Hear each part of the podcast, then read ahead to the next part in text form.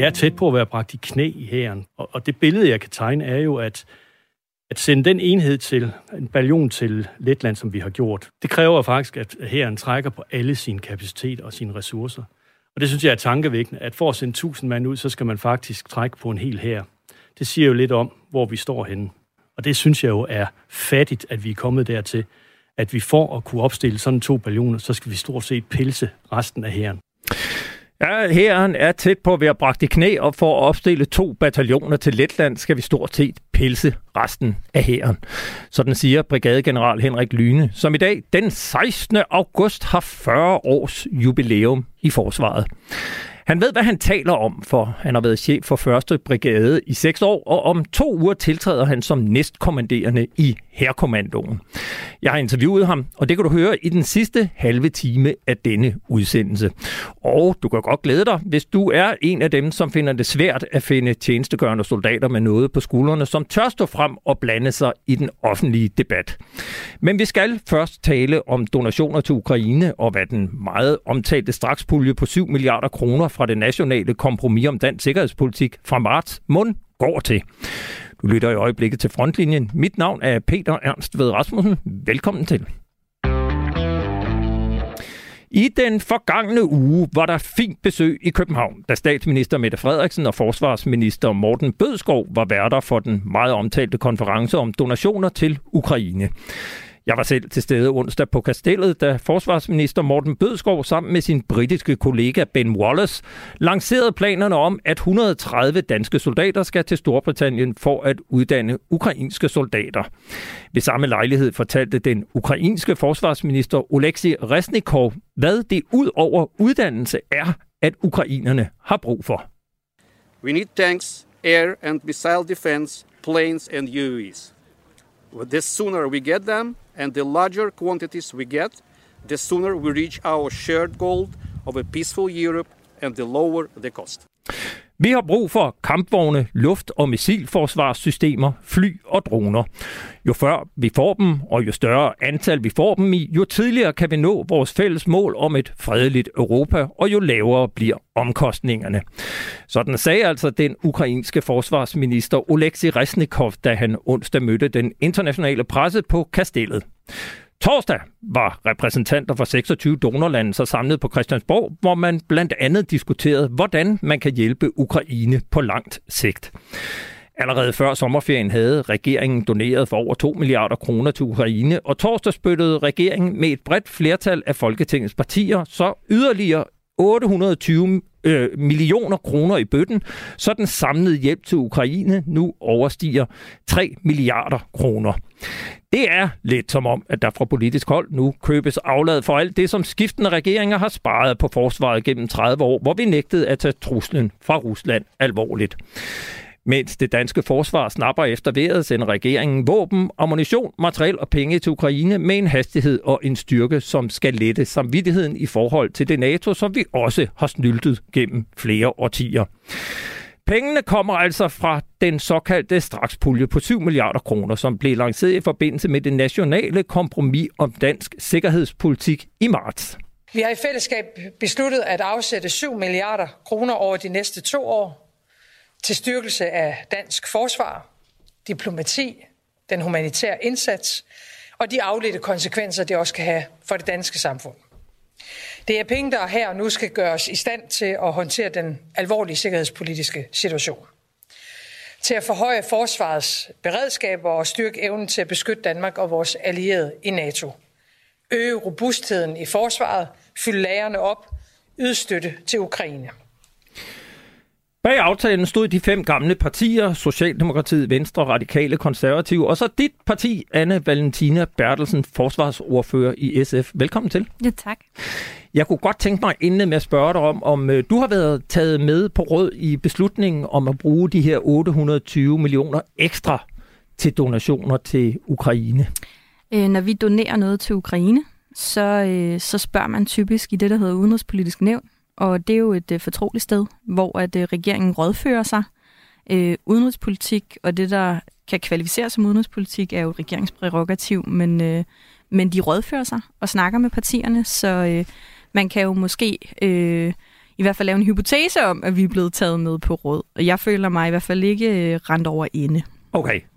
Øh, så kan jeg jo spørge, har du set et budget over de 7 milliarder kroner, eller kan, kan du hjælpe os med at blive klogere på, hvad er de 7 milliarder kroner, der nu bliver tildelt i 22 og 23, øh, gået til? Altså, jeg kan ikke øh, gå i detaljer med, hvad det er for nogle donationer, der bliver lavet til Ukraine, øh, ud over det, der står i pressen. Øh, men det, som vi jo bruger penge på, når vi donerer noget til Ukraine, det er jo både øh, hårde ting, øh, det kan for eksempel være ammunition, øh, og tungere materiel, som de skal bruge, og som de har efterspurgt. De har en lang ønskeliste over ting, de har brug for, øh, og som vi melder ind og siger, at det her kan vi godt bidrage med. Øh, det kan også være blødere ting, som feltrationer, øh, veste, øh, det kan være decideret øh, nødhjælp, øh, humanitær bistand. Øh, og så øh, er det jo også sådan, at samtidig med, at vi har skulle donere noget til Ukraine og hjælpe Ukraine, så har vi jo tømt vores egne laver øh, for ammunition og det betyder, at vi skal fylde dem op igen. Det går der også nogle udgifter til. Men så, så kan jeg jo spørge, føler du dig som politiker overbevist om, at pengene rækker til alt det, som statsministeren lovede, nemlig at vi skal have fyldt lagerne op, og vi skal øge robustheden i forsvaret, plus alt det andet og 3 milliarder til Ukraine? Altså sammenhold med det forsvarsforlig, vi skal forhandle lige om lidt, formentlig, så er jeg ikke i tvivl om, at der bliver penge til de ting, vi skal bruge. Og så er spørgsmålet, hvad er det, man definerer som ting, vi skal bruge? Jeg synes, det dækker meget fint, det statsministeren har sagt, men hvis man for eksempel er øh, en konservativ forsvarsordfører, som gerne vil have ubåde, eller en venstre forsvarsordfører, som vil have noget andet meget tungt og dyrt materiel, så er det ikke sikkert, at der bliver penge til det. Jeg kan også byde velkommen til dig, Peter Viggo Jacobsen, militæranalytiker på Forsvarsakademiet. Er der penge nok i den såkaldte strakspulje til at donere over 3 milliarder kroner til Ukraine, og samtidig opfylde alle de andre formål, som statsministeren talte om? Det kommer an på, hvordan du bredt definerer det, og også om, hvordan du gør regne, regnestykket op. ikke. Men altså, jeg har det jo lidt sådan, at det, der sker lige i øjeblikket, det er, at russerne bruger al deres offensive grej ned i Ukraine. Det vil sige, de tror ikke os. Så jeg synes, det giver rigtig god mening at hælde en masse penge ned i Ukraine, så vi kan få, få strabt så mange russere som muligt, så de ikke kan udgøre en trussel mod os bagefter, øh, når de er færdige i Ukraine på den ene eller den anden måde. Og på den måde køber vi os jo også tid til at genopbygge forsvaret. For det er jo helt rigtigt, som vi hørte i det indledende klip, som Lyne siger, at, at vi skal nærmest genopbygge for bunden. Der er jo ikke nogen her tilbage, og, og de to andre værn er også nødlidende, og det samme gælder specialoperationsstyrkerne. Så det er jo sådan set godt nok, at man får købt noget tid til at, at genopbygge forsvaret på en god måde. Det kunne jeg godt tænke mig at få, få dig til at uddybe lidt. Hvilke konsekvenser har det, at vi sender så meget materiel til Ukraine, bruger så mange penge på at hjælpe Ukraine, som så ikke kan gå til det danske forsvar? Jamen, vi har jo ikke noget at bruge til lige i øjeblikket selv. Der kommer jo ikke nogen, der angriber os, fordi russerne ikke har overskudskapacitet. Og jeg er da ganske tryg ved, at Forsvarskommandoen og Forsvarschefen har lavet en konsekvensberegning, der siger, at vi har brug for så og så meget øh, til, til os selv, på, og samtidig kan vi så afgive så og så meget. Og det ser jo også ud som om, at man er gået fra at tage af lærerne nu, til rent faktisk at begynde at bruge pengene på at købe udstyr ud i byen, som så ryger til Ukraine. Så det bliver ikke længere taget for det danske forsvar og givet til Ukraine. Og det var også det, der var hele pointen med donorkonferencen i sidste uge, at nu skal vi have lavet en ordentlig pengetank, så vi kan åbne nogle produktionslinjer, så vi kan begynde at begrave ukrainerne i grej kontinuerligt, direkte fra fabrikker rundt omkring i Vesten, hvor de, hvor de laver det, de skal bruge. Det her, det handler jo om, at man nu har indset, at det her, det bliver et opslidningsslag. Det gælder om at udproducere russerne og være i stand til at levere mere grej og træne flere soldaterne, end russerne er i stand til at smide på kamppladsen, således at man kan nedslide russerne og forhåbentlig øh, erobre noget af det, som øh, Ukraine har tabt tilbage. Så det er jo med det mindset for øje, at man lavede den her donorkonference. Og derfor så er det ikke længere et nul som spil mellem det danske forsvar og ukrainerne. Nu sender Danmark så 130 mand til Storbritannien for at uddanne ukrainske soldater. Men hvad tænker forsvarsminister Morten Bødskov om det pres, som det også ligger på forsvaret at få hævet 130 mand ud af en styrke, som i forvejen er underbemandet og overbelastet med opgaver? Jeg spurgte ham i onsdags, da jeg fangede ham på kastellet efter pressemødet med den britiske og ukrainske forsvarsminister de soldater ryger jo så også ud i en periode, hvor de ikke kan deltage i de enheder, mm. som jo i forvejen er enormt presset. Og nu sender vi formentlig en bataljon til at afløse den, der er afsted i Letland på et tidspunkt. Og alle ved jo godt, at det bliver nødvendigt med en kamppause, når den så har været afsted. Hele den her mandskabsmangel, hvad gør du der overvejelser omkring den, og samtidig med, at I bliver ved med at lægge nye opgaver på det forsvar, Først og fremmest synes jeg, det er rigtig flot, at det danske forsvar kan øh, levere på ikke bare et så omfangsrigt niveau, som man gør, men også som, på et så højt niveau, som vi gør. Altså øh, det, at britterne, når de kigger rundt, øh, kigger på Danmark, fordi at øh, der er en tillid, der er en troværdighed, der er tætte bånd, også mellem vores øh, forsvarsledelser, øh, det er et enormt kado til dansk forsvar. Og det, at vi kan prioritere 130 her øh, i løbet af efteråret, det er meget, meget flot. Det er klart, at det betyder så selvfølgelig, at når man er i Storbritannien, så er man ikke i Danmark. Det giver sig selv, øh, og derfor har det, det selvfølgelig også øh, konsekvenser, men det er en konsekvens, som forsvaret vurderer, øh, forsvaret kan holde til. Og øh, nu er vi i en situation, hvor der er krig i Europa, øh, og det er øh, afgørende, at vi hjælper Ukraine med øh, at få uddannet deres forsvar, således at de kan blive stærkere i forsvaret mod øh, Putins overgreb. Og lige præcis det, så er det sidste spørgsmål. Mm. Du siger, der er krig i Europa, og derfor er vi nødt til at gøre noget. Hvorfor tilfører I ikke flere midler og begynder at hive de soldater ind, der kan blive uddannet til at uddanne de næste? Altså, hvorfor skruer man ikke op og gør noget mere aktivt nu? Vi ved, at alle de 7 milliarder, de er jo brugt dem, der kom i det nationale kompromis, og der bliver helt tiden sagt, at vi skal vente til, der kommer et nyt forsvarsforlig, før vi tilfører flere penge. Kunne I ikke gøre mere på den politiske side for at styrke forsvaret her og nu? Øh, det har vi også gjort. Øh, vi har sat 2 gange 3,5 milliarder kroner af, hvor en væsentlig del af det er gået til øh, dansk forsvar. At dansk forsvar kan være på et forhøjet beredskab. Og, og det har givet... Og du siger, det er nok med de 7 milliarder over to år? Vi kommer jo til at kigge ind i et nyt forsvarsforlig øh, inden så længe, øh, og der starter vi så øh, vejen mod de 2%, og frem mod de 2%, ja, der sker der jo en forøgelse år for år af øh, budgettet, øh, og øh, det er klart, at øh, vi kommer til at bruge flere penge på øh, dansk forsvar. Men det at tegne et billede af, at øh, det brede flertal, der står bag det nationale kompromis, ikke har ville bruge penge på forsvaret nu, det er simpelthen forkert.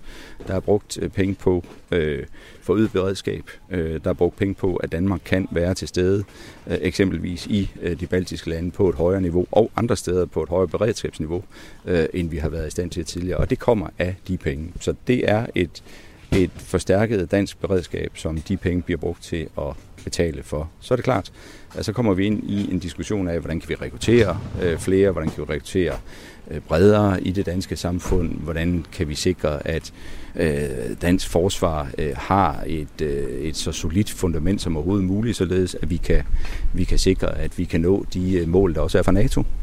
Så det at tegne et billede af, at dansk forsvar ikke leverer, det mener jeg simpelthen er grundlæggende forkert. Og det gør vi vist heller ikke. Stiller bare spørgsmål om der sker nok, ja, men der når sker, der er krig i Europa. Der sker virkelig meget, og Danmark er det land mål på indbygger, som med antal soldater er stærkest til stede i det kollektive, den kollektive afskrækkelse af Putin, eksempelvis i de baltiske lande. Tak for din tid. Det var slet.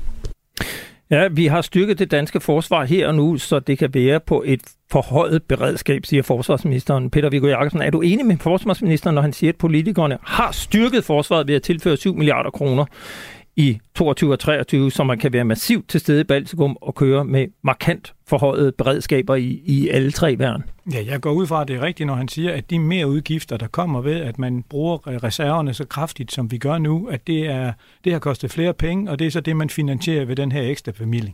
Men man skal jo altså også være klar over, at det forsvar, gør lige i øjeblikket, det er, at den æder sin egen organisation.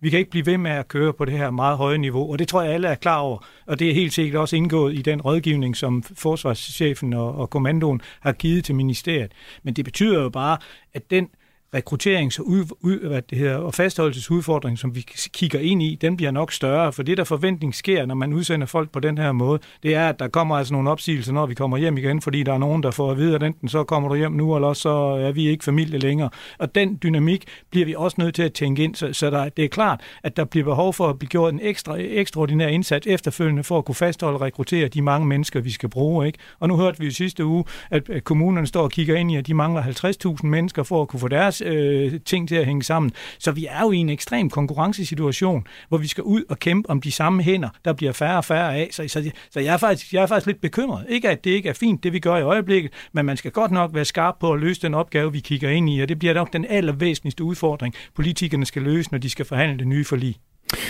Anne Valentina Bertelsen, hvilke overvejelser gør I jer fra politisk hold om at øge indsatsen, når I samtidig hører, at forsvaret er spændt til bristepunktet, og man i hæren vurderer, at det snart ikke er muligt at vokse, simpelthen fordi man ikke har mandskab til at uddanne det personel, som skal bruges i den større styrke? Vi gør os den overvejelse, at når vi skal bruge de her øh, 18 milliarder ekstra om året, som vi har sat af i forbindelse Og- med og det, det nationale kom- Når vi skal op på de 2 procent. Ja, ja, præcis. Men vi skal bruge de penge, så skal vi først og fremmest bruge det på at styrke vores kerneforsvar. Det er en del af det, som du riser op her. Altså rekruttering og fastholdelse. Det kommer rigtig mange penge til at gå til. Øh, og så gør vi os den overvejelse, at så er det nok meget godt også, at vi er velovervejet omkring de beslutninger, vi træffer, og ikke bare går ud og impulsindkøber en hel masse spændende ting, som der øh, er nogen, der godt kunne tænke sig, at vi gjorde med de her penge. Den investering, vi skal lave i forsvaret nu, den skal være øh, strategisk rigtig, rigtig velovervejet. Ikke kun, når vi snakker indkøb af materiel, fordi det skal passe til den sikkerhedssituation, vi skal agere i, men også når vi snakker om, hvordan vi genopbygger forsvaret.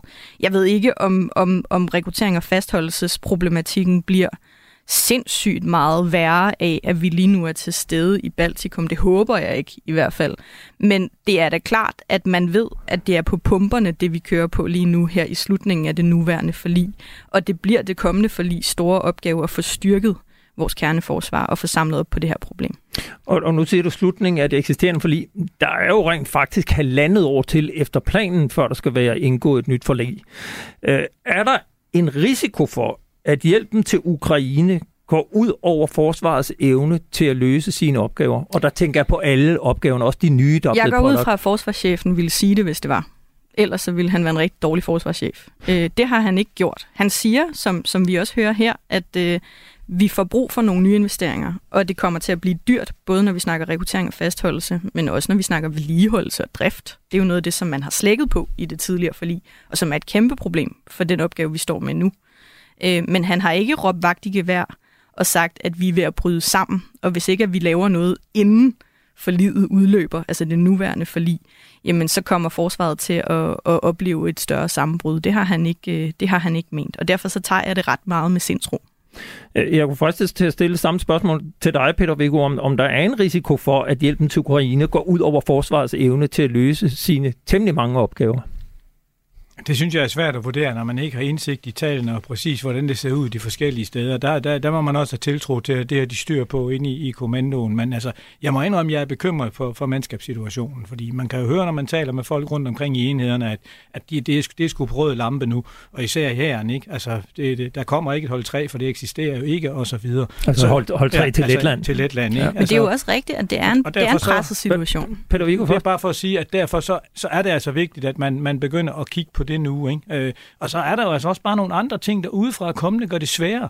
De her øh, nye anlæg, vi skulle have lavet i indeværende forlig, hvordan pokker skal vi lave dem nu? Alle ved, at man kan ikke få bygget materialer, og at det ser helt sort ud på grund af Ukraine, og det hele bliver lagt ned. Ikke?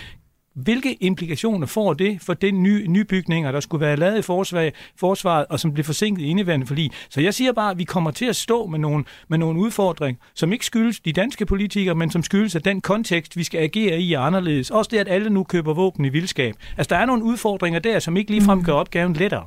Og det er jo også derfor, at, at vi behøver ikke at, øh, at gå ud og impulsindkøbe. Fordi det er et marked, som er super presset, og hvor vi har tid til, netop fordi at leverancerne kommer til at tage tid, uanset hvad, da hele Europa er i gang med at styrke deres forsvar, øh, så har vi tid til at overveje, hvad det er, vi skal strategisk, og lave de rigtige indkøb den her gang. Og så er det jo også det, at det er jo rigtigt, at vi er i en presset situation lige nu. Hvis man spørger rundt omkring i de forskellige værn og i de bataljoner, som bliver sendt afsted, øh, hvis man spørger de forskellige øh, ledere i forsvaret, så vil de jo sige, ej, ha, nu synes vi godt nok, nu synes vi, I presser citronen. Øh, I Skrydstrup, der ville de sige, puh, alle de der fly, I, I synes, I vil have stående som option øh, på standby til at kunne sende ud til Baltikum og patruljere. Det er vi altså ikke sikre på, at vi kan klare. Og det forholdt jeg forsvarschefen og sagde, hvad siger du til det? Han sagde, jeg kan godt forstå, at de reagerer sådan, fordi det er et fuldstændig ekstraordinært beredskab, det vi er i lige nu. Men det er ikke noget, vi ikke kan klare. Det er bare en helt ekstraordinær arbejdssituation. Men øh, øh, er det ikke lidt øh, hen til, øh, når man sætter sig i flysædet, og man får en instruktion, husk nu at tage din iltmaske på først selv, inden du begynder at hjælpe børn og andre.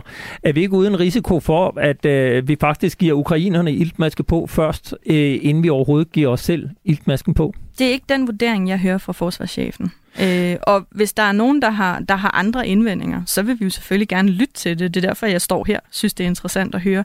Men, øh, men så længe, at, øh, at Forsvarets øh, ledelseorganisation selv siger, at det her, det kan vi godt holde til, så stoler jeg på det. Øh, en af de helt store udfordringer er præcis som øh, Peter Viggo Jacobsen siger, i fastholdelse i forsvaret. Og alene i årets fem første måneder sagde 525 soldater op og forlod forsvaret. Her skriger man jo blandt andet på bedre forhold, højere løn, løn under uddannelse, bedre indkvarteringsforhold, materiel, ammunition, logistik og så ikke mindst øh, ordentlig mad. Burde det ikke være første prioritet at få disse forhold på plads, som man bedre kan holde på de ansatte, end udelukkende at fokusere på Ukraine. Og så lader vi russerne løbe Ukraine over ende imens, eller hvad? Det er altså, det, det, er jo, det, der jo er med det her med rekruttering og fastholdelse, det er, at det er ikke noget, vi går ud og løser i morgen. Det er en ret langsigtet indsats, der skal til, bestående af flere forskellige ting. Og, øh, og det bliver et samspil både mellem forsvarets ledelse, men også de faglige organisationer på området, og prøve at finde frem til de rigtige greb. Det, der er helt stensikkert, det er, at vi skal ikke bare have flere folk til søgen i forsvaret, vi skal også blive bedre til at holde fast i dem, og det handler om arbejdsvilkår, måske også løn. Øh, det er et greb, som øh, man skal forhandle på plads i en ret lang og, og, og sej forhandling, hvor de faglige parter også er indblandet. Og så er det jo så også det, at øh, når vi skal indkøre flere folk i forsvaret og uddanne dem, så tager det altså noget tid. Så, øh, så vi kommer ikke til at kunne løse det her problem med et fingerknips. Og hvis vi skal hjælpe Ukraine, så skal det være nu. Det vil sige, at så længe forsvarschefen vurderer, at det her, det kan vi godt, samtidig med, at vi tager hul på et forhandling om nyt forsvarsforlig og begynder at komme med værktøjerne til at løse det her problem, så bliver vi nødt til samtidig at gøre alt, hvad vi kan for at hjælpe Ukraine, fordi det er også vores sikkerhed i forlængelse, der står på spil her. Altså Baltikum og deres sikkerhed er også vores sikkerhed. Bare helt kort. Øh, tror du, at øh, der bliver indgået et forsvarsforlig allerede i år? Ja, hvis de konservative holder op med at kræve ubåde, så kan det være, det går stærkt. Øh, Peter Viggo Jacobsen, hele det her pres, der er på forsvaret lige nu, med alt, hvad vi hører, materiel, øh, ammunition, det ene og det andet, særligt mandskab, og så al hjælpen til Ukraine. Betyder det, at situationen skubber forsvarsforliget længere frem? Det vil sige, får vi et forlig allerede i år? Det aner jeg ikke noget om, men, men jeg synes, det må være ret åbenlyst. Det kan godt være, at man ikke skal gå ud i gåsøjne og impulsindkøb. Men man skal jo altså også bare være opmærksom på, at hvis man gerne vil gå ud og købe noget, så er der altså rigtig lang venteliste på alting, og det vil sige, at hvis man ikke får sat købsprocessen i gang hurtigt, så får man aldrig noget grej. Og det er lidt det samme, der også gælder inden for mandskabssituationen. Det er jo helt rigtigt, som vi lige hører. Det tager tid at lave soldater, og hvis du skal have nogen med mere specialiserede kompetencer, så tager det endnu længere tid. Og derfor kan du altså ikke blive ved med at skubbe den proces. Du er nødt til at sætte den proces i gang med at få nogle nye folk, og få fastholdt dem, og få lavet nogle nye ansættelsesformer. Og det kan vi ikke blive ved med at vente på. Og vi er også nødt til at få sat købsprocesserne i gang. Og her kan man jo godt starte med at købe alt det, som vi mangler i dag, og det vi ikke har nok af, og så kan de bruge lidt længere tid på at skændes om, hvorvidt vi også skal have nyt grej, men det ligger ret meget for, hvad vi mangler af køretøjer, hvad vi mangler af ammunition og den slags ting, som vi har for lidt af, fordi vi ikke er i stand til at uddanne på det, som vi også bruger, når vi er indsat. Om det er vi jo så også begyndt på. Altså, for eksempel fylde laverne op med ammunition. Det er jo noget af det, som pengene i straksreserven går til, ikke? Jeg er nødt til at bide dig af her, og jeg vil sige tak, fordi I kom i studiet på denne varme sommerdag. Begge to, Anne Valentina Bertelsen, forsvarsordfører i SF, og Peter Viggo Jacobsen, militær analytiker på Forsvarsakademiet. Tak fordi I kom. Selv tak. Du lytter i øjeblikket til Frontlinjen her på Radio 4. Mit navn er Peter Ernst ved Rasmussen, og nu skal vi videre til et interview med en jubilar. Kender af forsvaret vil med det samme vide, hvem han er. Han har gennem de seneste år gjort sig bemærket ved at fortælle sandheden, når den ofte er ildehørt. Han er kendt for at kalde en spade for en spade, og han har ry for at være soldaternes mand. Hvis du ikke allerede har gættet det, kan jeg hermed byde velkommen til dig, Henrik Lyne. Tak for det. Brigadegeneral, tidligere chef for 1. brigade, og om to uger næstkommanderende i Herkommandoen. Dagen i dag er jo ganske speciel for dig. Kan du ikke gøre os klogere på, hvad der skete den 16. august for præcis 40 år siden? Jo, for præcis 40 år siden i dag trådte jeg for første gang ind af hovedvagten på Haderslev Kaserne for at blive iklædt, i det øh, jeg skulle starte som kadetaspirant på sergeantskolen i Sønderborg. Så det var ned at få to køjesække, og så fik jeg en stålhjelm kastet i favnen med beskeden om, at øh, hvis den ikke passede, så var det mit hoved, der var noget galt med. Så du har 40 års jubilæum i dag. Tillykke. Tak for det så kunne det jo være interessant, øh, vi skal ikke dyrke dit CV-detaljer, men, men for at for, få sådan en forståelse af, hvem du er, kan du så ikke give os en overflyvning over din karriere og hvad du har forrettet i løbet af dine 40 år? Jeg har været så privilegeret, at jeg har fået lov til at tilbringe rigtig mange år af min tjeneste i det operative spor, og det var også baggrunden for, at jeg ville være soldat, og senere besluttede at blive officer. Jeg har aldrig nogensinde haft hverken drøm eller ambition om at komme til at sidde ved skrivebord, så øh, jeg har fået det, som jeg gerne ville have det næsten hele vejen igennem mit forløb. Jeg startede ved Jyske Dragonregiment og fik min geledtjeneste ved regimentet som delingsfører, næstkommanderende og chef for en kammerseskadron. Jeg havde seks gode år ved regimentet, efter jeg øh, startede som stabsofficer ved Jyske Division, operationsofficer, som det hed dengang. Øh, min næste tjeneste som øh, i stabe, det var ved Østerlandkommando, der nu er ledlagt. Men det var jo også en operativ stab i det, den i NATO-sammenhænge havde, øh, skal vi sige, var kategoriseret som et korpshovedkvarter. Jeg har et års tjeneste i øh, København i daværende forsvarskommandoen. Det er så øh, det ene år ud af mine 40 sammenhængende år, jeg har, var, har Var det så inde på øh, Holmen, eller var det i, i øh, Vedbæk. Vedbæk?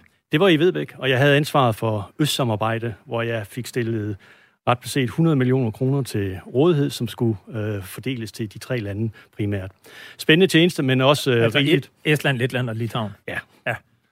Øh, I mellemtiden havde jeg fået en, øh, en amerikansk generalstabsuddannelse, en super gave fra forsvaret. Det var en kæmpe oplevelse. Og øh, jeg har senere også øh, er senere blevet optaget på US Army War College, sådan en slags VU3, siger man, som vi ikke har herhjemme. Men igen en øh, kæmpe oplevelse, hvor jeg fik skyklapperne trukket helt om i nakken og fik øh, udvidet min horisont øh, og lært rigtig meget om at begå mig i internationale sammenhæng. Har du været udsendt? Ja, det har jeg. Jeg har øh, været på Balkan på hold 2 i sin tid, i forbindelse med, at vi begyndte at sende enheder ud. Øh, og, og hvor på Balkan? Jamen, det var i øh, Kostanica i Kroatien, i det, der hed Alfa dengang, hvor jeg var næstkommanderende. Da jeg var færdig som næstkommanderende i en opklaringseskadron, gik jeg så med den enhed ud og var på Balkan.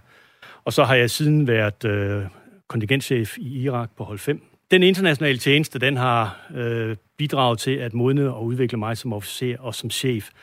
Så derfor synes jeg, det er vigtigt. Og da jeg sad som chef for første brigade og skulle ansætte nye chefer, og hvis jeg havde to, der i øvrigt var lige kvalificeret, så tog jeg den, der havde det bedste kort på den internationale tjeneste, fordi jeg vidste, så var vedkommende blevet trykprøvet. Det er også et spørgsmål om, at du får bevist, at du kan begå dig psykisk og fysisk øh, med modighed, og at du har risikovillighed. Det er jo ting, vi ikke rigtig kan vurdere på samme måde herhjemme. Det får du lov til i den grad at demonstrere, når du er udsendt, typisk. Efter dine internationale missioner, så er du også en af de ganske få herofficerer, der har fået lov at være chef for en, for en større enhed, nemlig brigadechef. Ja. Det er få lov så i moderne termer at være brigadechef. Hvad har det givet? Jamen, det har givet utrolig meget. Jeg vil godt træde et skridt tilbage, fordi inden jeg kom dertil, var jeg selvfølgelig ballonchef henholdsvis for en opklaringsballion i Jyske Division, men lige så vigtigt, jeg var panserballonchef dengang, at panserballon havde ansvaret for fem kampvognseskadroner. Øh, og der mødte jeg min brigadechef, det var Agner Rokers, og han sagde til mig, hvis du vil være brigadechef, så skulle du gøre sådan og sådan og sådan. Og fra dag af var jeg slet ikke i tvivl om, at jeg ville være brigadechef. Jeg var så bare lykkens gunst, den, der fik lov at tage jobbet, og det var en kæmpe oplevelse. Det er den bedste tjeneste, jeg har haft, øh, at og, få lov at styre rundt med en hel troppeenhed. Og hvor lang tid? Noget Seks år. Seks år som brigadechef? Præcis på dato næsten. Ja, det er jo i hvert fald øh, meget, meget få der er det for ondt. Og jeg tror, vi er enige om, du er den, der har været brigadechef længst tid i Danmark. I øh, nyere dansk øh, herhistorie i hvert fald.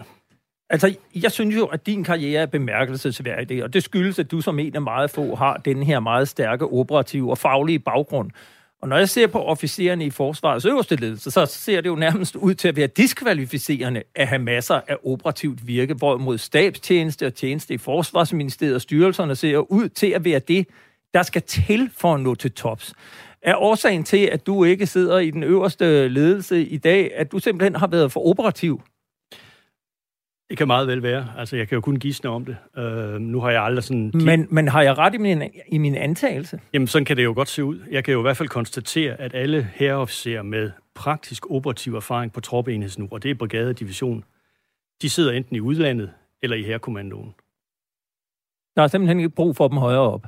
Mm, til synligheden ikke. Altså, jeg kan i hvert fald konstatere, at der ikke er nogen. Øhm, og det, det har jeg da også selv bemærket, og det ved jeg, at der er mange andre, der har bemærket, fordi vi jo faktisk gør meget opmærksom på, at vi prioriterer den operative tjeneste. Altså vi gør jo egentlig meget ud af at fremhæve, at den operative tjeneste er vigtig. Og hvorfor er den så vigtig? Jamen, den er da vigtig, fordi du her, altså det er jo vores kernekompetence, det er vores eksistensberettigelse, det er jo at kæmpe og vinde, som vi siger. Altså at gå i krig og vinde. Og derfor øh, er det jo nogle erfaringer, man gør sig, som man skal tage med ind, når man eksempelvis øh, sidder og forbereder et forsvarsforlig, eller man skal tage stilling til, hvordan vores enheder skal struktureres. Så nytter det jo ikke noget, at du har læst eller hørt, hvordan det kan gøres. Jeg synes, det er rigtig værdifuldt, at man faktisk har prøvet at styre rundt med enhederne og oplevet alle de øh, udfordringer, der er forbundet hermed, når man så skal tage stilling til, hvordan eksempelvis en brigade skal se ud. Du siger med andre ord, at det, der er forsvarets raison d'être, eller kernekompetence, det er at gå i krig. Og alt det, der ligger udenom, det er det, der skal støtte dem, der går i krig. Altså, jamen, det er forsvaret. Jamen, det kan, der, øh, det kan der da slet ikke være to meninger om. Ja, det kan der jo sikkert, men det bør der ikke være. Det er vores eksistensberettigelse. Og jeg har også altid sagt, som brigadechef, jeg lader aldrig skjul på, at jeg synes, den vigtigste kompetence og kapacitet i forsvar, det er de kæmpende operative enheder. Det er jo derude, vi omsætter Folketingets beslutninger til handling. Det er dem, der står ude i ørkensandet eller over på østflanken, der sådan set udfører det, vi er blevet bedt om og pålagt af Folketinget. Det sker ikke på stabsgang eller ved skrivebord. Det, der sker der, det er også vigtigt. Men det vigtigste, det må altså være dem, der omsætter ord til handling. Og så glæder jeg mig til at spørge øh, forsvarschefen, hvorfor der er så få med operativ erfaring i forsvarets øh, øverste ledelse. Du var lige kort inde på det. Jeg kunne passende spørge, hvilken betydning har den operative erfaring, når man eksempelvis skal planlægge et nyt forsvarsforlig, som man jo allerede er godt i gang med? Jamen, jeg kan jo jeg kan kun udtale mig på det, jeg har kendskab til. Det var, sådan, da jeg sad som brigadechef. Jeg mener jo, at det må alt andet lige være vanskeligt at forholde sig til, hvordan en brigade skal skrues sammen, hvis man ikke selv har prøvet på en eller anden måde at, at operere med det. Jeg siger ikke, at det er alt afgørende, men det er da i hvert fald noget, man skal lytte til. Ellers så bliver det jo mere sådan, hvad man har læst og hørt og måske set. Øh, eller der, fået fortalt. Eller fået fortalt for den sags skyld. Det, det synes jeg altså er vigtigt, og jeg synes, det er vigtigt, at den operative praktiske erfaring, den indgår i vores øh, overvejelser, når vi planlægger noget. Ellers så bliver det jo bare sådan noget øh, løst, øh, han har sagt, flyvende. Du blev indkaldt til forsvaret der i 1982, altså midt under den kolde krig. Siden har forsvaret gennemgået en massiv omlægning, blandt andet i 2004, hvor man ændrede hele forsvaret fra at være sådan et territorialforsvar til et ekspeditionsforsvar, som kunne rejse ud i verden og kæmpe i al slags terræn fjernt fra Danmark. Hvad er det for en udvikling, som du har været vidne til i forsvaret gennem dine 40 år? Hvis jeg må snæver perioden lidt ind til sådan at være omkring 30 år, netop dengang muren faldt, og Sovjetunionen blev opløst, og vi begyndte med Balkan at udsende større enheder i internationale missioner. I løbet af de 30 år, der er der sket først og fremmest en utrolig professionalisering af vores styrker og vores soldater. Vi er blevet skarpere, vi er blevet bedre, og det er vi kvæg vores engagement i internationale missioner, og det er sådan set ligegyldigt, hvor det er henne. Og ligegyldigt hvilket værn? Fuldstændig, fuldstændig. Jeg, jeg tror, at de internationale missioner, det engagement, om det er på Østflanken eller det er i Afrika, det er driveren i vores udvikling og vores professionalisering. Og det, det har jeg kunne se. Altså, der er jo der er himmelråbende stor forskel på, hvordan vi agerede, da vi var på Balkan, hvor vores seneste erfaring var noget fra Gaza eller Kyberen. Og så, øh, når vi så missionerne i Irak og Afghanistan, hvor vi jo var anderledes forberedt og, og klar til at løse opgaverne, fordi vi havde et meget bedre grundlag, og vi havde prøvet det i lang øh, tid. Og øh, som jeg også sagde tidligere, det har jo også bare gjort, at vores øh, officerer, befalingsmænd og også vores soldater, de er bare blevet skarpere, de er blevet bedre. Men i takt med det, så har vi også fået flere opgaver, og vores opgaver bliver stadig mere, skal man sige, udfordrende og komplekse. Og samtidig med det, så har vi så set i de 30 år en næsten konstant øh, reduktion og nedskæring af forsvaret. Så man kan sige, der er nogle ting, der arbejder imod hinanden. Og den sidste ting, som er sket, i de 30 år i sagens natur, Øh, det er jo også en næsten vedvarende nedslidning af vores hovedmateriel, altså køretøjer og våbensystemer. Så hvis man lige tager øh, den øh, del med professionaliseringen ud og koger det her ned til en, øh, en magiterning, så kan du faktisk sige, at øh, øget øh, slid på vores materiel, færre midler til rådighed, men samtidig flere opgaver og mere komplekse opgaver. Det er sådan næsten beskrivelsen på en perfekte storm, ikke? Ja, jeg kan jo selv øh, bidrage med, at jeg var i Bosnien i 1993 som FN-soldat, hvor mandatet jo var, at vi ingenting måtte, kun hvis vi kom under direkte beskydning, hvilket betød, at en hel FN-konvoj kunne blive stoppet af en øh, mand ved et checkpoint med et Kalashnikov-gevær til at vi har haft danske soldater indsat i nogle af de skarpeste missioner ja. overhovedet i Afghanistan. Og forholdsvis haft de største tab, ikke? Altså, ja. hvis vi kigger på det. Så flere opgaver, mere professionalisme og færre penge. Øh, som konsekvens af finanskrisen der i 2008 og årene efter, der besluttede den daværende borgerlige regering med Lars Løkke Rasmussen som statsminister i 2011 at spare 15 procent på det offentlige udgifter over en bred kamp. Og det drejede sig så også om forsvaret. De besparelser blev siden implementeret af den nye socialdemokratiske regering, vel at mærke efter Ruslands invasion af Donbass og annektering af Krim i 2014. Og det betød sådan groft sagt fuld kraft bak på alle motorer og medførte blandt andet et helt nyt uddannelsessystem og nye ansættelsesvilkår med henblik på at spare penge.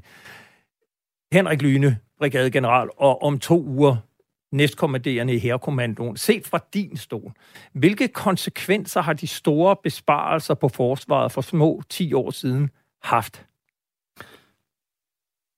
Jeg husker det meget tydeligt, og øh, man forsøgte jo også at bilde os ind, at det kunne gøres uden det ville få operative konsekvenser. Det var den nytiltrådte forsvarschef Peter Bartram, som sagde, ja. at øh, det kan vi godt. Øh, selvfølgelig kunne vi det, men at sige, at det ikke ville have operative konsekvenser, det fandt jeg faktisk stærkt fornærmende, fordi det vidste vi alle sammen, at det ville det få. Selvfølgelig ville det det. I et system, der i forvejen er skrumpet noget ind, betyder en reduktion på 15% utrolig meget. Og øh, mange af de ting, der blev sat i søen på daværende tidspunkt, det er faktisk ting, som vi har brugt rigtig mange ressourcer på efterfølgende og køre tilbage. Du nævner selv uddannelsessystemet. Vi fjerner jo også stort set regimentstabene. De er også tilbage, fordi de har nogle reelle opgaver og en berettigelse. Vi nedprioriterede brug af reserven, og det viser jo, at det var katastrofalt. Vi har behov... Det blev fjernet, nærmest øh, fjernet. Jamen, der, er en, der var ingen fødekilde til den længere, og derfor var det jo en uddøende race, og det er jo katastrofalt, for vi har behov for den. Og du nævnte så også selv, at vi ændrede vores uddannelsessystem, blandt andet officersuddannelsen, og så indførte vi jo de her forkædrede begreber, just in time og just enough. Og det betød jo, at dem, der kom ud fra officerskolen, de havde jo stort set kun lige det, der skulle til for at klare sig de første 14 dage, fordi vi har skrællet alt andet væk. Det har vi heldigvis også øh, kørt tilbage, således at uddannelsen nu begynder at ligne det, den gjorde i gamle dage, hvor jeg selv øh, var et produkt af officerskolen, og det er en knaldgod uddannelse. Bundlinjen er, at mange af de ting, der bliver implementeret for at spare penge, dem har vi brugt utrolig mange ressourcer på at drive tilbage igen, for det var forkert, og det virkede ikke. Det store slagnummer i øh, forliget i 2013 var, at vi skulle kunne flexe, eller man skulle kunne flexe ind og ud af forsvaret. Altså have et par år i det civile, og så skulle man kunne vende tilbage igen til forsvaret, og så skulle man væk fra tjenestemands ansættelser og ind med overenskomst, og samtidig med, at man pludselig skulle søge sine stillinger i forsvaret, i stedet for at blive beordret. Hele den der omlægning med, med ansøgningssystemet, hvad har øh, problemet været med det? Jeg vil gerne starte med at sige, det der med at flekse ind og ud, og det husker jeg tydeligt, for jeg var selv til stede, da de der beslutninger blev truffet, det er nok, og undskyld mit franske, det mest tåbelige, vi nogensinde har gjort. Fordi det skaber jo huller i systemet. Og vi kan i modsætning til civile virksomheder jo ikke gå ud til et vikarbureau og sige, at vi vil gerne have en major med 15 års øh, erfaring, fordi vi har lige en vakance her på to år. Vi er stort set altid i underskud. Så derfor, når der er en, der beslutter sig for at gå ud, og det er faktisk øh, ikke så tit, at de så beslutter sig for at komme tilbage igen, jamen så efterlader du et hul. Så den ordning der, eller den antagelse, at det har aldrig nogensinde kommet til at virke, det, det, var, helt, det var helt galt. Med hensyn til ansynssystemet, jamen, Altså min personlige opfattelse er, at det nogle gange har været en udfordring at få de rigtige mennesker til at sidde i de rigtige stillinger. Det er jo ikke kun et spørgsmål om, hvilke ønsker, behov og ambitioner den enkelte har. Det er sær, altså det er jo selvfølgelig rigtig vigtigt. Men systemet har jo også nogle behov og nogle ønsker. Og derfor skal vi også kunne beordre, det kan vi da heldigvis også, men det er bare ikke noget, vi benytter os af ret tit. Der er jo nogle gange, at vi er nødt til at pege på en helt specifik person og sige ham der, fordi han har de faglige kompetencer. Det kan være, at det er den eneste, der har kampvognsbaggrund. Det kan være, at det er den eneste, der ved et eller andet om luftværn, eller hvad ved jeg. Så er det jo sådan set, kan man sige, øh, ikke særlig smart, at vi skal til at starte en ansøgningsproces. Så kan vi da i stedet for at gå og sige, dig, du skal over den stilling der. Det er ligesom om, at vi har spillet det hele over i favnen på den enkelte. Nu siger jeg som medarbejder, øh, i forsvaret og glemt, at systemet faktisk også har nogle ønsker og nogle behov, der skal tilgodeses. Så vi skal i højere grad Øh, man skaffede jo, bortskaffede jo også øh, tjenesteplaner og den slags der. Der var det jo, man til gode så, at der var match mellem øh, faglige kvalifikationer og baggrund og så den enkelte stilling i højere grad, end man gør ved et ansøgningssystem. Vi kan kun håbe på, at det, det matcher, når man søger, og man finder den rigtige kandidat, men det er bare ikke altid, det sker, og derfor er det altså også vigtigt, at man kan gå ud og sige, jeg skal bruge dig, og du skal sidde i den stilling, og det skal du i tre år. Hvis vi gør det i dag, vil jeg så sige, jamen, hvis ved, vedkommende så er utilfreds med det, så søger vedkommende jo bare væk efter 14 dage, så kan man se en ny stilling, og så søger man den. Og så står forsvaret igen med et problem. Du lytter til øh, frontlinjen, og her i studiet har jeg Henrik Lyne, brigadegeneral, tidligere chef for første brigade, og om to uger næstkommanderende i Herkommandoen. Øh, vi skal øh, lidt videre for... Da jeg etablerede det forsvarspolitiske netmedie Olfi i 2016, der handlede en meget stor del af debatten om, at der var blevet skåret for meget ind til benet, og at Danmark på grund af pres fra USA og en øget trussel fra Rusland nu skulle til at opruste.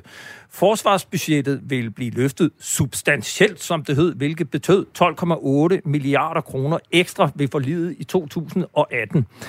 Det store slagnummer dengang var, at vi ved udgangen af 2023 ville have en fuldt udrustet og kampklar brigade med professionelle soldater og alt det materiel og våbensystemer, som det nu krævede. Henrik Lyne, du har jo selv været chef for første brigade i seks år, og dermed oplevet alle dine drømme gå i opfyldelse. Eller hvad? Det er måske lige at tage munden for fuld. Jeg vil også godt sige, at øh, det der med det substantielle løft skulle måske også lige ses i perspektiv. Det var jo lige efter, vi var blevet pelset for et tocifret milliardbeløb, så et løft Ja, det kan man godt kalde det ud fra der, hvor vi stod, men det var sådan set bare et spørgsmål om at få fyldt noget af det hul op, som var skabt.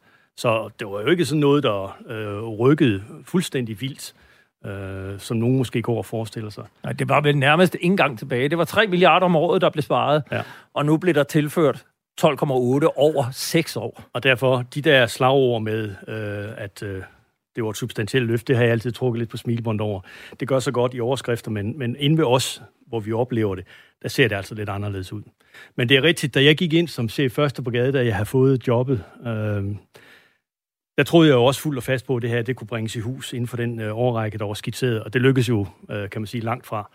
Øh, så er der nok nogen, der vil sige, jamen det var også brigadechefens skyld. Øh, det vil jeg så hævde, at det, det var det nok ikke alene, øh, fordi øh, grunden til, at vi blev meget, meget, meget forsinket, det var jo blandt andet alt det materiel, vi skulle have. Alle de nye våbensystemer var jo generelt utrolig forsinket. Og øh, det er det jo stadigvæk, så derfor har det nok øh, relativt lange perspektiver, inden den første brigade er fuldstændig klar. Øh, og en ting er jo så våbensystemer og materiel, noget andet er personel. Jamen, der er, øh, der er jo heller ikke noget quick fix på det her, og derfor skal man jo kigge på det hele. Altså, det er jo rammevilkårene, kan man sige. Det er på personelsiden, hvor vi har nogle udfordringer med at øh, fastholde vores personel tilstrækkeligt længe, så vi får, som vi siger, bang for the buck, så vi får noget ud af de investeringer, vi lægger i at uddanne folk. Det er køretøjer, materiel, øh, våbensystemer, udrustning, det er etablissement, og mange andre ting, som vi skal have øh, gjort noget ved, og det skal vi hurtigt, og det kommer til at koste rigtig mange penge. Derfor er det også, jeg siger, at når nu forhåbentlig forsvaret får penge, jamen så drejer det sig om at få bragt det, vi har op til, øh, han har sagt, det tilfredsstillende niveau, få fyldt hylderne op, få fyldt enhederne op med personel, materiel, logistik øh, og moderne ammunition, blandt andet, som man jo fravalgte i sidste forlig. Og vi er jeg skal nok passe på med ikke at øh, male fanden på, øh, på væggen, men vi er tæt på at være bragt i knæ i hæren på grund af det. Og, og det billede, jeg kan tegne, er jo, at, at sende den enhed til, en ballon til Letland, som vi har gjort. Vi sender jo to ballioner over, og de skifter. Det er jo ikke på samme tid. Det kræver faktisk, at hæren trækker på alle sine kapacitet og sine ressourcer. Og det synes jeg er tankevækkende, at for at sende 1000 mand ud, så skal man faktisk trække på en hel hær. Det siger jo lidt om, hvor vi står henne.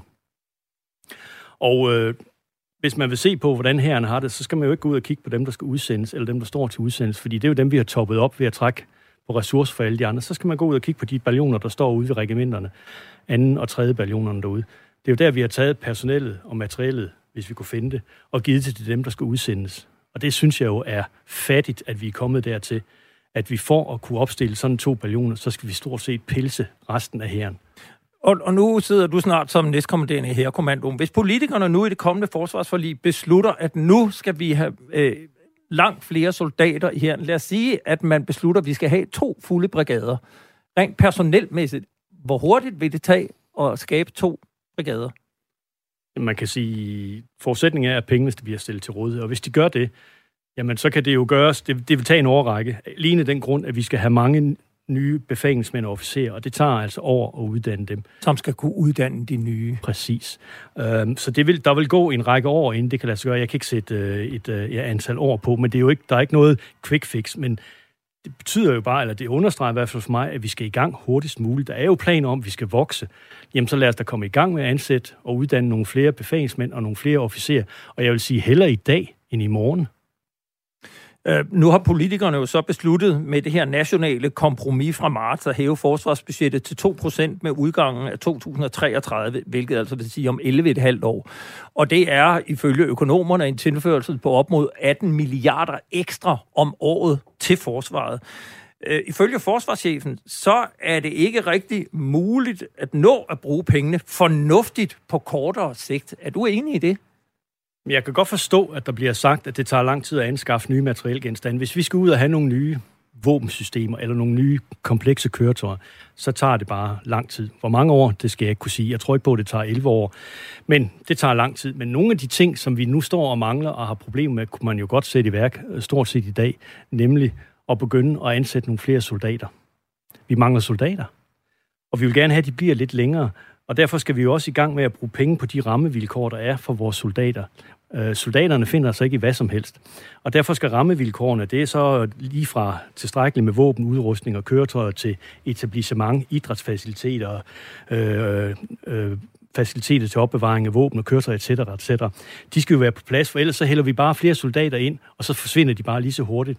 Så i takt med, at vi begynder at ansætte flere, så skal vi også poste penge i vores rammevilkår. Det er simpelthen nødvendigt for at fastholde vores personel. Og det har vi et problem med i øjeblikket. Vi springer lidt videre. Gennem, gennem de seneste år har jeg skrevet adskillige artikler om forsvaret, og ikke mindst om chefer, som har haft svært ved at holde sig på dydens smalle sti. Det har i den forbindelse slået mig, hvor omfattende hyggeleriet er i toppen af dit system, forstået på den måde, at Forsvarsministeriet og dine overordnede chefer prædiker åbenhed, og at vi skal stille op og svare på spørgsmål. Når jeg så henvender mig med kritiske spørgsmål, så svaret nej tak. Og jeg kan godt erkende, at jeg faktisk aldrig nogensinde oplevet et system, som er lige så lukket som forsvaret. På samme måde, så kan jeg heller ikke få soldater og officerer til at stå frem med navn med en kritik, selvom den er nok så relevant og i offentlighedens interesse. Og selvom skiftende ministre og forsvarschefer har sagt, at det ikke vil have karrieremæssige konsekvenser at stå frem og fortælle om det, man oplever på sit eget niveau. Hvorfor er man i forsvaret så bange for at tale med pressen? Jeg ved det ikke. Øh, jeg kan ganske enkelt ikke svare på det, men jeg tror, du har fat i noget af det rigtige, for jeg oplevede som chef for Første Brigade, at når jeg så udtalte mig, og hvilket jeg synes, jeg både havde ret og pligt til, når jeg udtalte mig om øh, forholdet over gældende for Første Brigade, så oplevede jeg ikke så få gange at få et par galopperende kindheste efterfølgende og få at vide, at det der, det var ikke velset. Og hvad var det? Var det en forsvarschef eller en øh, herrechef eller nogen, der ringede til dig og sagde, Nej, hvad det fanden var, har du gang i? det var typisk nogen øh, længere nede i systemet, som var blevet givet det opdrag at fortælle brigadechefen, at øh, det var ikke hans øh, område. Jeg, jeg udtalte mig blandt andet på et tidspunkt om, hvorvidt vi var i stand til at øh, opstille enheder til beredskab. Det gik jeg så ud og sagde på et tidspunkt, hvor vi havde besøg på en øvelse, sagde, at vi er faktisk lidt hårdt ramt, og det er tvivlsomt, hvorvidt vi kan opstille til beredskab. Og der fik jeg så efterfølgende at vide, at det tilkommer ikke mig at forholde mig til det, hvor jeg sagde, jamen det gør det da. Øh, jeg ser for første brigade, så jeg må vel godt forholde mig til, øh, hvordan status er på gaden. Det synes jeg sådan set er min pligt som, øh, som chef at fortælle det. Og jeg kan ikke se, at det skal være nogen hemmelighed. Men øh, det, det var der en anden opfattelse af, og det, det fik jeg så også at vide utvetydige vendinger. Og det har, jeg, det har jeg prøvet et par gange. Men som sagt, altså, jeg ser det som en del af det at være chef, at man forholder sig til det, der nu sker i ens organisation. Det, jeg kan ikke se, at det skal være øh, noget, der skal trives i de mørke kroge og uden for offentlighedens søgelys. Og øh, jeg vil i den forbindelse gerne sige der er mange gange tak, fordi du netop er en af de chefer, som stiller op. Det fører mig lidt hen til det næste og også afsluttende emne, jeg gerne kort vil vende med dig. Altså for, for to uger siden sendte TV2 en dokumentarudsendelse, Operation X i krig og krænkelser hed den, som satte fokus på et øjensynligt temmelig stort problem med krænkelser i forsvaret. Øh, nu står du her efter at have været brigadechef i seks år og på vej til at være øh, næstkommanderende i herrekommandoen. Øh, kan du genkende det, der kom frem? Altså, er der et problem med krænkelser i forsvaret? Det kan vi jo ikke benægte. Det er jo blevet dokumenteret, øh, at det er tilfældet. Og derfor er vi selvfølgelig også nødt til at reagere. Og jeg tror, det er noget, som har fået mange til øh, at tænke rigtig meget over det her forhold, og hvad kan man gøre for at undgå det. Og jeg er enig i, at vi i forsvaret bør have nul tolerance forstået på den måde. Der må ikke være en eneste anklage eller sag, som ikke bliver undersøgt og behandlet til bunds. Der, hvor jeg så måske har en lidt anden øh, holdning end, end den, der bliver fremlagt øh, fra ledelsen, det er, at hvis man bliver dømt for krænkende adfærd, og det er en alvorlig øh, krænkelse, så mener jeg, at man skal ud på røv og albuer uden øh, yderligere drøftelse. Og hvis der er personale jure, der taler imod det, jamen så må vi arbejde på at få det lavet om. Når man begår krænkelser af alvorlig karakter, så har man jo en karakterbrist. Man har dårlig dømmekraft. Sådan nogle mennesker kan man ikke tage med i krig, for man kan ikke stole på dem. Så derfor mener jeg, at man bør trække en grænse. Den kan selvfølgelig være svær at definere, men når vi begynder at tale om alvorlige krænkelser som uønskede berøringer, befamlinger etc., og det der er værre, jamen så mener jeg bare, at man skal ud, og det kan kun gå for langsomt. Det, der måske så øh, også pikerer mig lidt, det er, at nu bliver der lagt op til, at der skal udrulles et stort uddannelsesprogram for alle i forsvaret, eller for personelgrupper i forsvaret. Jeg føler sådan lidt, at når man laver den slags V-til-V-tiltag, så bliver jeg også mistænkeliggjort. Jeg har ikke problem med at finde ud af, hvordan jeg skal opføre mig ordentligt. Og jeg har ikke problem med at, at han har sagt, at finde ud af at håndtere, hvis der er krænkelser i min organisation, eller hvad det måtte være. Og derfor synes jeg jo, at man burde gå ind og så tage fat i der, hvor problemerne er. Det må man jo kunne øh, diagnostisere på en eller anden måde, i stedet for, at man bare tager med den samme tjærekurs som dem, der nu er dømt skyldige, og så siger man til hele personelgruppen, nu skal I have et kursus. Det var det samme, der skete med øh, sagen omkring den tidligere herrchef. Der blev det jo besluttet fra højeste sted, at alle 500 chefgruppen, de skulle have tre kurser i ordentlighed. Jeg har ikke problemer med at opføre mig ordentligt. Øh, det lærte mine forældre mig sådan set. Og derfor synes jeg jo, at det er helt forkert, at man bare tager med tjærekosten, og så kører man fra højre til venstre og rammer hele personelgruppen. Jeg føler mig mistænkeliggjort, og jeg synes, det er urimeligt. Vi er ved at være ved vejs ende, men jeg kunne godt tænke mig bare her afslutningsvis at spørge dig. Øh, 40 års jubilæum i dag, øh, og, og du har stadig en række år tilbage i forsvaret. Hvis du skal give sådan en status på forsvaret af 2022, hvordan lyder den? Jeg er bekymret fordi vi er, øh, jeg kan kun tale om herren, jeg kan ikke forholde mig til de andre, det, det er jo der andre, der må gøre. Men det, jeg har oplevet som øh, brigadechef i seks år, hvor jeg kom på alle herrens garnitioner, og jeg så alle vores enheder øh, regelmæssigt, så er jeg bekymret. Fordi vi er, som jeg siger, øh, i kritisk masse. Altså, vi er presset på personel, vi er presset på materiel og køretøj, etc., etc. Vores etablissement er presset. Jeg ved godt, vi bygger en masse, men det er jo et efterslæb på, jeg ved ikke, hvor mange årtier. Så vi er sådan set bagud på point over hele paletten, og med mindre der er vilje til virkelig at spytte i kassen, så kan vi ikke få rettet op på det her. Der er ikke noget af det her, der kan gøres med nye policies eller strategier. Svisken på disken, det her, det kommer til at koste penge, og det kommer til at koste rigtig mange penge. Det håber jeg, der er villighed til således at vi kan få rettet op på fortidens, jeg kalder dem udladelsessønder, hvor vi har sparet og sparet og sparet, og så når vi nu, nu skal til at bruge herrens enheder eksempelvis, så viser det sig, at vi har sparet så meget, at det faktisk er et problem at få opstillet det, vi gerne vil opstille, fordi vi mangler dette og hint. Så man må til lommerne, hvis man vil det her. Nu har du så hørt, at øh, det kan godt være, at øh, horisonten er 11,5 år, men øh, et nationalt kompromis, der vil hæve forsvarsbudgettet til 2 procent. Kan man også finde en lille smule optimisme hos dig? Ja da. Altså, jeg er fyldt med optimisme, og jeg vil det her. Og jeg kæmper til den, min sidste dag i, øh, i uniform for det her, selvom jeg måske har tegnet et, et dyster billede. Men jeg synes jo, at vi skylder at, at, at tone ren flag og fortælle, hvordan tingenes tilstand er. Og det er bekymrende, fordi vi har skåret ned, vi har slidt, og vi har, øh, som jeg nævnte, personalomsætning, der er for høj, etc., etc. Vi har virkelig mange udfordringer. Henrik Lyne, brigadegeneral, om to uger næstkommanderende i Hærekommandoen. Tusind tak, fordi du kom ind og øh, gav dit besøg med. Jeg har fået en øh, honør. Jeg siger tak den anden vej. Det var fornemt. Tak, fordi du kom. Selv tak. Mere har vi ikke på programmet i denne udgave af Frontlinjen her på Radio 4.